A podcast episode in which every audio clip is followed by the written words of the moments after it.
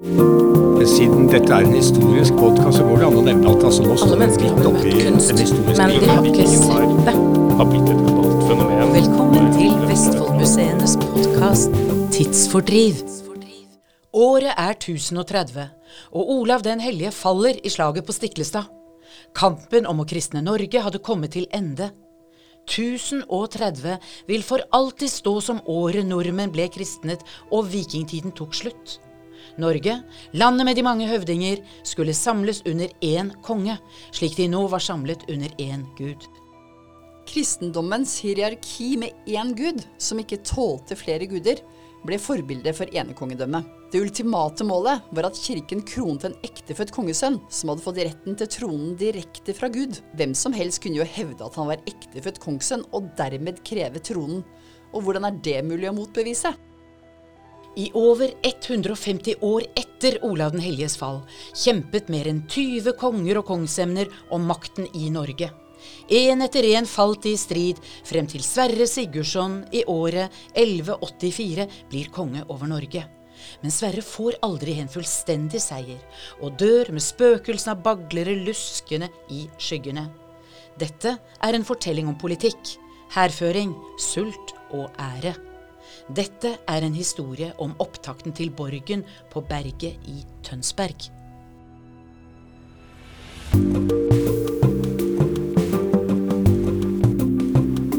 Tidsfordriv. Middelalderen i Norge var en veldig urolig periode. Stemmen du hører nå er konservator og koordinator ved Norsk Borgsenter, Cecilia Gustavsen. Og i borgerkrigsperioden, som var en lang periode som foregikk i over 100 år, så ser jo liksom Birkebeinernes leder, altså Sverre, senere kong Sverre, han ser et behov for å, for å, bygde, for å, for å bygge forsvarsanlegg i stein, altså borger i stein. Og han bygger jo da både eh, borg i Trondheim og i Bergen. Og den som bestemmer over borgen, har makta. Men for å få makta, så trenger man mer enn bare en borg. Man trenger faktisk en flokk. Borgerkrigen og spenninger som preget landet, dannet en uro som stakk seg langt inn i skogene. Sagaene forteller om en gruppe opprørere som var tvunget langt vekk, inn i skogene, vekk fra sivilisasjonen. I kampen for å overleve bandt opprørerne bjerkenever på leggene for å holde varmen. De var menn uten land, de var menn uten konge.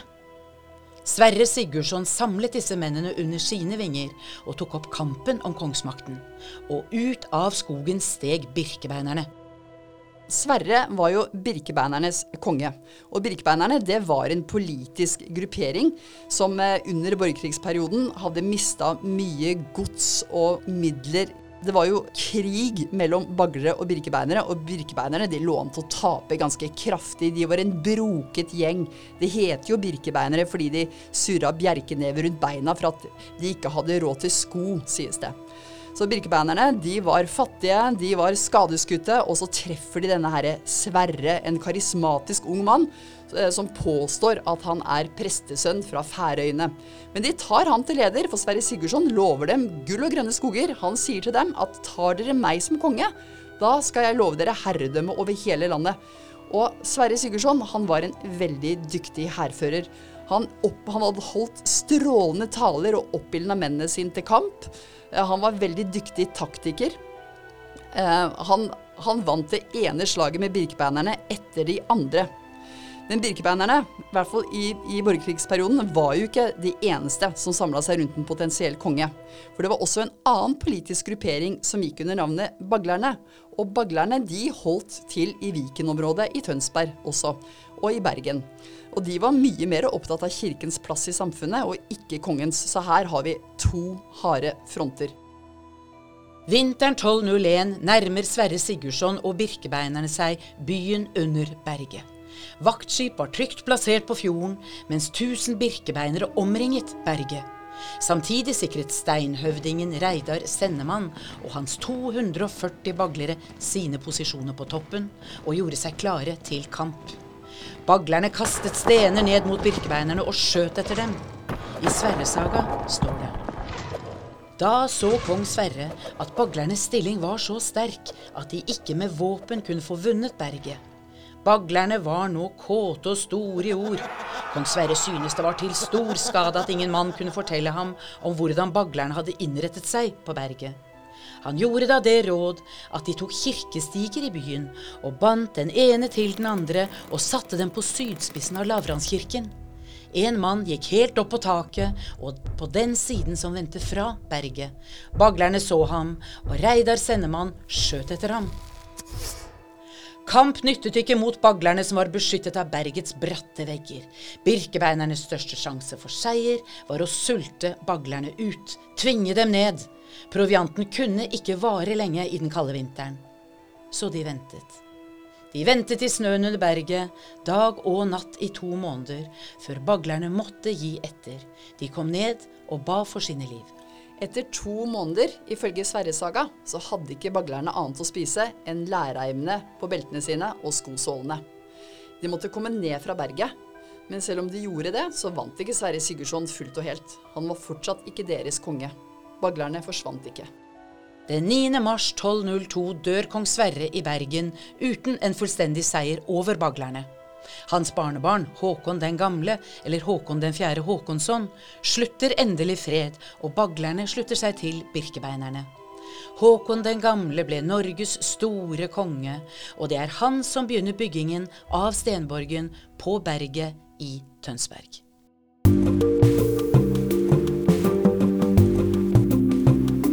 Tidsfordriv. Dette er en utrolig spennende historie, Cecilia. Hvordan vet vi dette? Vi har jo skriftlige kilder fra middelalderen, bl.a. Sverresaga, som nevner denne episoden. I tillegg så har vi også arkeologiske funn fra berget, eh, i form av pilspisser og andre våpenrester da, fra borgerkrigsperioden. Berget. Nå må du hjelpe meg litt. Hvor ligger dette berget? Berget, det er navnet, det gamle navnet på Slottsfjellet i Tønsberg. Det het Berget i middelalderen. Og når vi nå da bruker navnet Slottsfjellet, så må jo det si noe om at det har vært et slott der, da? Ja, det har jo vært eh, Tunsberghus festning, da, som sto på berget. Eh, når Sverre beleira berget den gangen, eh, hvor baglerne forskansa seg, så var det jo et eh, forsvarsanlegg der da også, i form av trepalisader og tretårn. Men den eneste bygningen av stein som sto der oppe, det var Mikaelkirken. Det var en romansk steinkirke. Men eh, Håkon Håkonsson, som var barnebarnet til Sverre, han utvikla da det anlegget på berget og begynte å bygge i stein. Og det ble jo etter hvert et Tunsberghus festning, en av Nordens største borganlegg. Vi har fire store borger i Norge som blir kalt for riksborger. Og det er Båhus, som ligger i dagens Sverige, i Bohuslän, som i middelalderen var norsk. Det var en grenseborg. Så har vi Akershus og Bergenhus, altså Kongsgårdanleggen på Holmen i Bergen. Og så har vi Tunsberghus. Og var, De blir kalt for riksborger. Det var store borger. Og de blir kalt for riksborger fordi de i tillegg til å være administrasjonssenter og forvaltningssenter for området rundt, også var bosted for de kongelige. Ja, hvem var det egentlig som bodde på borgene? Du har nevnt at det var en kirke der. Var det et fullt samfunn oppe på disse borgene, eller? Ja, når kongen var der med følget sitt i middelalderen, så har det vært et lite samfunn bak lukkede murer. For i middelalderen så var det jo sånn at det fantes ikke noe hovedstad sånn som vi kjenner til. Men hovedstaden var der hvor kongen til enhver tid befant seg, og kongen pendla mellom de viktigste byene i middelalderen, som var Tønsberg, Oslo, Bergen og Båhus. Og da bodde han i perioder på de forskjellige borgene. Så sånn kan vi si at de kongelige bodde på borgen. Men når kongen ikke var der, så var det jo noen som styrte på vegne av kongen, og det var gjerne en høvedsmann, som også hadde fullt vakthold og ja. Veldig spennende å tenke seg at disse gamle Ja, for det er vel stort sett ruiner det vi har igjen i dag? Ja, det er ruiner. Eh, du kan si Tunsberghus f.eks. har jo vært i bruk i en periode over 300 år. For den ble jo ja, eh, Håkon Håkonsson bygde jo ut det anlegget her på midten av 1200-tallet, og så ble det plyndra og brent i 1503 som et ledd i unionsstridene under Kalmarunionen. Å ja, ikke sant. Så dette er norgeshistorie, altså når vi går fra å være en selvstendig stat over til å bli en del av Danmark. Mm. Akkurat. Men altså, så borganleggene rundt omkring i de viktigste stedene, kan vi tillate oss å si, da, i Norge. Og der er Tønsberg et av de. Ja, det stemmer. Det er jo flott å tenke på. Er det sånn at Tunsberghus var spesielt stor? Ja, det var, eh, var stort anlegg. Hvis ringmuren rundt berget er komplett, så var den på 800 meter. Og Tunsberg hus er jo i utstrekning en av Nordens største borganlegg. Du verden. Det er spennende å tenke seg altså, at det har gått konger og dronninger i, sant, bak høye murer i Tønsberg. Um, og det er da ved Slottsfjellsmuseet i Tønsberg at dere skal forske på dette her. For jeg hører at det er, altså skal etableres Norsk Borgsenter. Det er det du som skal styre med, stemmer det? Ja, jeg er ansatt som koordinator for Norsk Borgsenter, som er en del av Slottsfjellsmuseet, en del av Vestfoldmuseene. Og Norsk Borgsenter er et nasjonalt foretak. Vi skal bli best på borg, for det er jo ikke mange som har jobba med borg i Norge før. Nei, er Så det sånn det er? Ja, det er sånn det er. Så det er det vi skal ta tak i. Eh, Det er jo ikke gjort veldig mye på norsk, eh, norsk borgforskning etter Gerhard Fischers utgravninger på 20- og 30-tallet. Gerhard Fischer. Jeg har jo hørt det navnet, men hvem var han? Gerhard Fischer var en arkitekt som sto for utgravningen av flere borganlegg i Norge, bl.a. Båhus og Bergenhus, og også Tunsberghus. Nettopp. Og det er kanskje takket være han da, at vi har disse opplevelsene. Vi går f.eks. over Slottsfjellet i dag, så ser vi ruinene. Ja, det kan du si, for han var veldig opptatt av å blottlegge ruinene og forske på ruinene. Men siden han var arkitekt, så var han ikke så opptatt av de arkeologiske funnene der oppe. Så det er flere områder oppe på Slottsfjellet som ikke er undersøkt ordentlig. Og det er også flere funn som ble registrert når Gerhard Fischer drev med utgravninger, som ikke er satt i noen sammenheng. Det er liksom vanskelig å si ikke sant, eh, i hvilken sammenheng de står i. da. Og selv om det er gjort eh, en del utgravninger også etterpå oppe på Slottsfjellet, sånne sporadiske utgravninger på flere norske borganlegg, så mangler vi en helhetlig plan for undersøkelse av borgene. Nettopp. Så det, dere skal hjelpe oss da til å bringe litt liv, da, litt mening inn i disse ruinene da. For når vi går der oppe, så er det jo vanskelig å forestille seg for vanlige folk hva det faktisk har vært. Ja, mm. Det er kjempespennende. Norsk Borgsenter i Tønsberg. Du skal ikke gjøre dette alene? Nei, det, det som er veldig fint med Norsk Borgsenter, er jo at det, det er en, et tverrfaglig nasjonalt foretak, egentlig.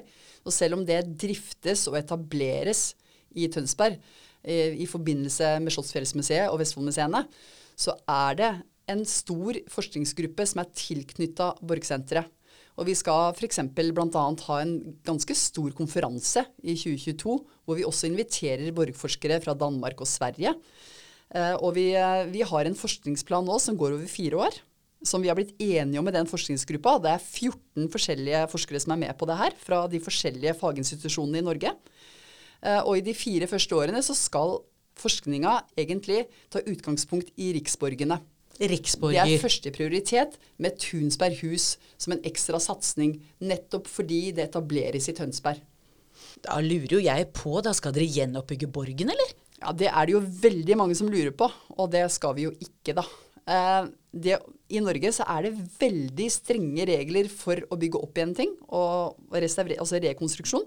Men det vi, vi skal gjøre, er at eh, i vår formidlingsplan, som også er utarbeida, er at vi har store planer for digitale framstillinger av det her. Ja. Og noe som er spennende da, det er jo eh, digitale fremstillinger av borgen i forskjellige faser, f.eks.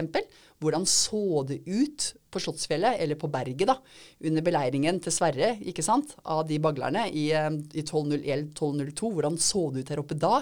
Eh, hvordan så det ut på 1300-tallet? Og dette skal dere da hjelpe oss med, så dette skal presenteres for oss når vi kommer på besøk. Så kan vi få innblikket, eller vi kan få det presentert digitalt, hvordan det kan ha sett ut. Ja, det er planen vår. Så utrolig gøyalt. I tillegg til også å generere midler til å gjøre utgravninger der oppe. Det har vi også planer om. Ikke store, omfattende utgravninger, men kanskje vi kan ta det over, over en, eh, noen, noen år. ikke sant? At vi undersøker visse ting der oppe som ikke er gjort før. Og det gir jo da mening til da, de ruinene som vi ser i dag, og så får vi hjelp til og, altså ved å se kanskje enkeltgjenstander eller møte enkeltpersoner som kan ha levd sitt liv der oppe, og hvordan de har hatt en rolle da i norsk historie. Ja, nemlig. Og da kan man f.eks. sette arkeologiske funn i mye større sammenheng med bygningene det er i nærheten av. Vi får større forståelse av, av bruken av bygningene. Kanskje vi får oss noen overraskelser. Kanskje vi finner noen skjulte arkitektoniske perler. Eh, kanskje vi kommer nærmere, tettere på menneskene som levde der. Det er det som er din driv i dette her, altså Cecilia. Den her nysgjerrigheten etter å finne ut Borgens historie. Ja, og det er jo sånn i Norge at eh, som vi sa i stad også, at det er jo lite forskning på norske borganlegg. Og det er veldig etterlengta i Norge. Så jeg tror det er veldig velkomment. Så disse borgene som dere skal forske på, er det, var det en storhetstid i norsk historie? De er bygd i litt forskjellig rekkefølge. Men Ja. sånn for Tunsberg hus sin del, f.eks., som eh, ble bygd ut på midten av 1200-tallet, det har jo tradisjonelt blitt sett på som en, stor, en storhetstid i norsk historie, fordi Håkon Håkonsson hadde jo det her norgesveldet. Det er kanskje den første gangen Norge har vært i nærheten av å være et lite imperium, ikke sant?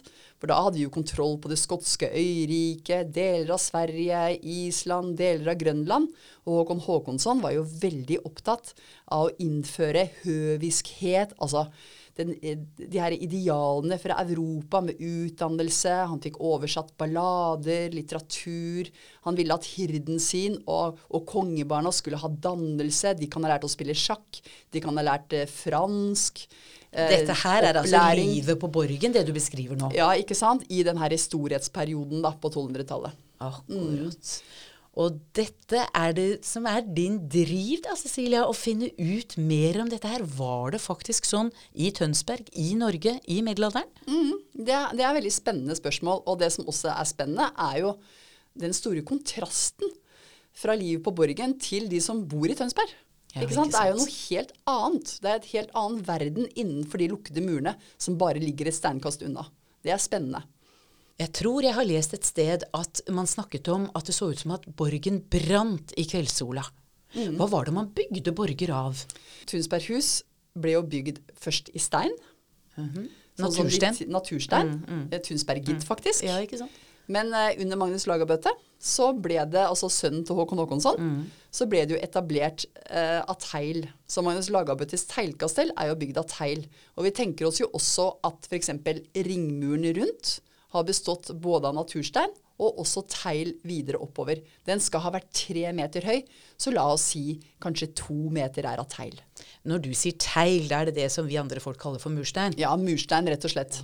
Litt større mursteiner enn de vi er vant til, men rød murstein. Rød Ja. murstein, akkurat. Og hvor fikk de de fra, da? Eh, Nå er det jo veldig mye leire rundt Tønsberg, Mhm. og man hadde et teglverksbrenningsanlegg nede på Tælak, Mhm. nedafor Slottsfjellet. Mm -hmm. Som fremdeles eh, Ja, det er jo skilta, det ligger jo der nede på området, så du kan se hvor det teglverksanlegget var, da. For det er jo spennende hva disse borganleggene faktisk ble bygd av. For når du sier at det er stein, så er det maktens hus. Det var vel ikke sånn at vanlige mennesker hadde tilgang på dette? Nei, vanlige mennesker bodde som regel i trehus. Ja, ikke I lafta tre. Ja, Mm, I bygårder i Tønsberg. Men oppe på Slottsfjellet, som vi da kaller det, det har fått navnet sitt fordi det lå et borganlegg der, og det ble på folkemunne da kanskje omtalt som Slottsfjellet. Vet vi noe hvor det navnet kommer fra? Det er jeg veldig usikker på. Ja, Men det er jo ikke tvil om at, sant, at det må jo være fjellet med slottet på. ikke sant? Um, og dette fantastiske slottet, det skal dere forske på i Norsk Borgsenter. Norsk Borgsenter det åpner i morgen. Det åpner i morgen, og det blir stor stas. Da kommer de norske frilansene med salutter og det hele, så det er bare å holde seg for ørene. Og det blir eh, omvisninger og annet gøy som skjer den dagen i forbindelse med Tønsbergs 1150-årsjubileum. Ja, for dette her har jo absolutt vært med på å sette Tønsberg på kartet. Nettopp det at det var en kongebolig på berget i Tønsberg. Ja. Så det blir så fint. Tusen takk skal du ha, Cecilia, for at du kom og snakket med oss om Norsk Borgsenter. Tusen takk for meg. Tidsfordriv er en podkast fra Vestfoldmuseene og er laget av produsent Susann Melleby. Lydtekniker Jon Anders Øyrud Bjerva og meg, Ellen Asplin. Ønsker du å kontakte oss? Send en e-post til kommunikasjon at vestfoldmuseene.no.